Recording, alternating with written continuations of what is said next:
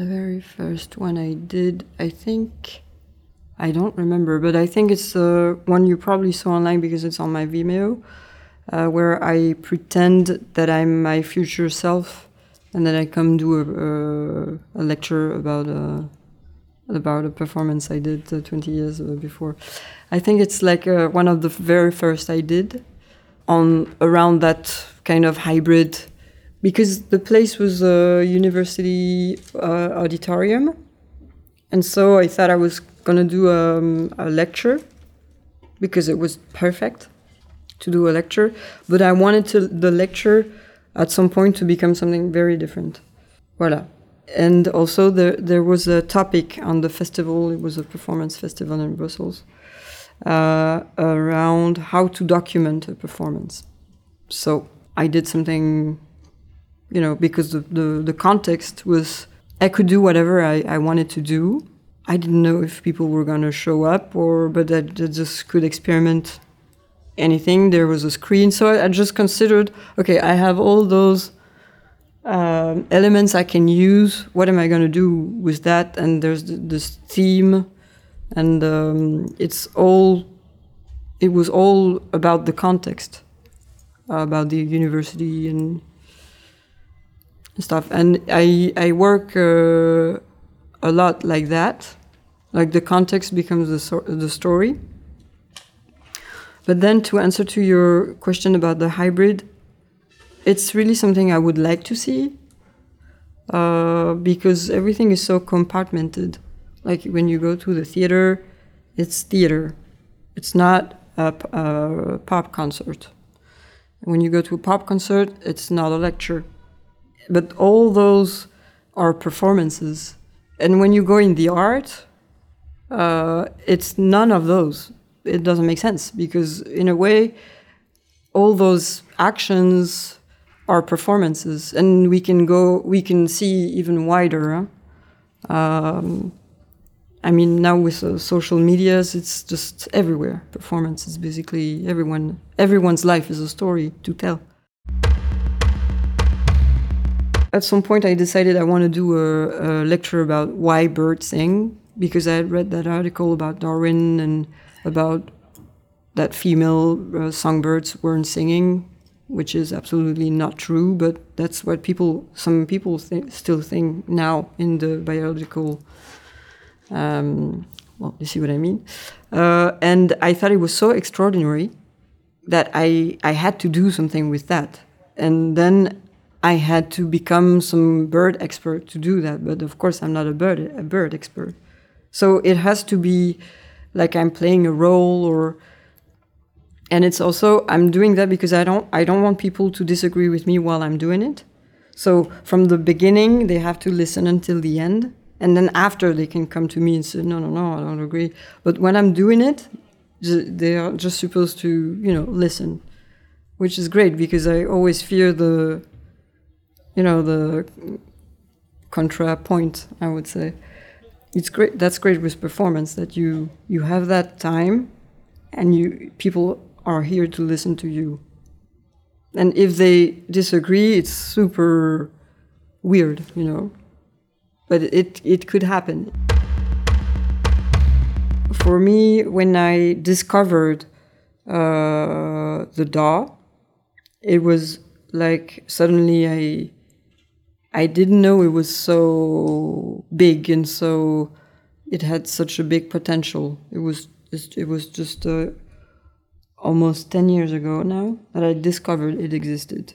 And also it took me some more time to get the the a good computer and then a good uh, sound card and then because it's all very expensive of course.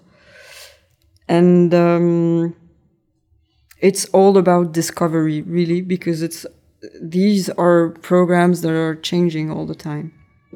And you can cust uh, customize them in any way you want. So you can have like basically 20 synthesizers or 20 different drum machines. You can make your own actually you can completely personalize the, the program which is really extra extraordinary when you think about it. Um, and when I realized that, that it was like inf- the infinity um, in just a computer.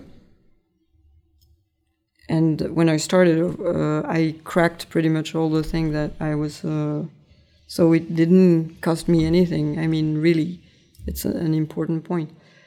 I, I would I was able to use all those amazing synthesizers and amazing drum machines and amazing plugins um, for just in my little room uh, all by myself.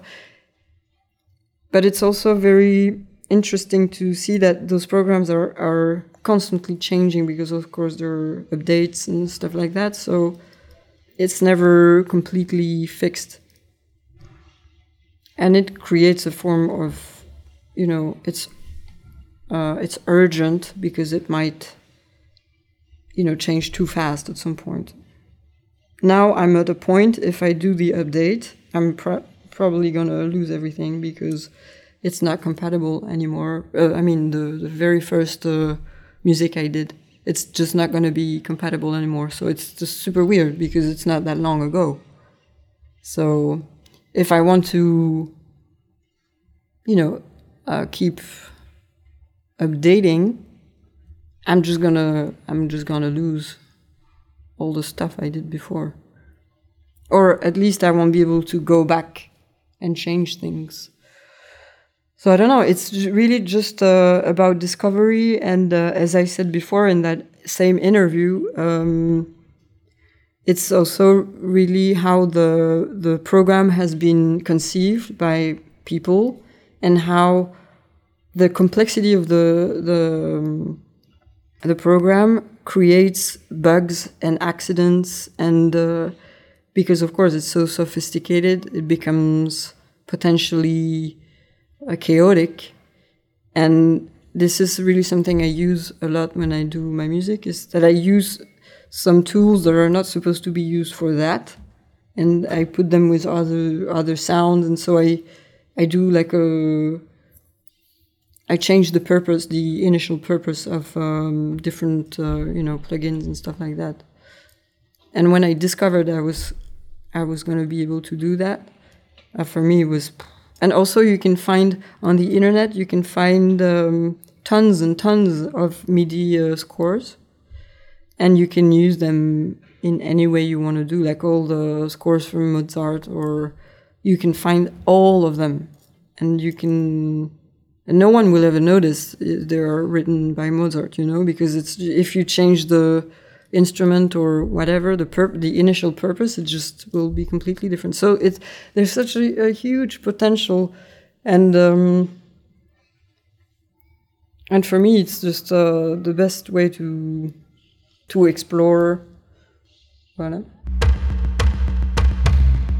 I use um, the sound of the program as well as, as the plugins I've imported. And it's important because it, they are designed. All the sounds they are designed by people, people whose job is to design a sound. And uh, in the music, I discovered after that in the music uh, scene, it's kind of uh, not considered something very classy to do that because it's too easy, you know. And I really don't care about that because if it sounds good, it sounds good, you know? And um, sometimes the sounds are designed and they don't sound good. So, uh, but there's like a, um, a snobism in the music, I think, uh, in the music scene about using the sounds of the programs because it's it's just something that anybody could do, you know. And again, it recreates some sort of uh, uh, elite, you know, that only those with the expensive machines and only those with the expensive knowledge will be, you know, uh, authorized to be musicians. But uh, now it's not like that anymore. So the whole uh, elite thing is just, which is uh, very frightening, but also super great because you can access all that knowledge online. It's just crazy. As usual, when I do things, I don't uh, anticipate until I've uh, experienced it. So now I'm doing it and I'm being confronted to a reality that is for me like completely alien. Um, for example, having to deal with male uh, sound engineers that are super machos, and for me, it's really what it's it it comes like wow, it's still so strong. There, it's it ha- it's happened uh, to me like a few times uh, in just this past few months that I'm I'm confronted to a, a totally macho, you know, area with, uh, and you're always um, you're not taken seriously by the technical, you know, people doing their job in the technique. Uh, so it's kind of like okay, super weird and and but I now I've started working with a women sound engineer, which for me has changed everything really because she doesn't feel like she's um, she can you know explain life to me every time she plugs something in. But uh, I I also discovered that I have so much to learn, and it's so much easier when it's not someone that is you know. Uh, uh, taking you like you don't matter, like you're nothing.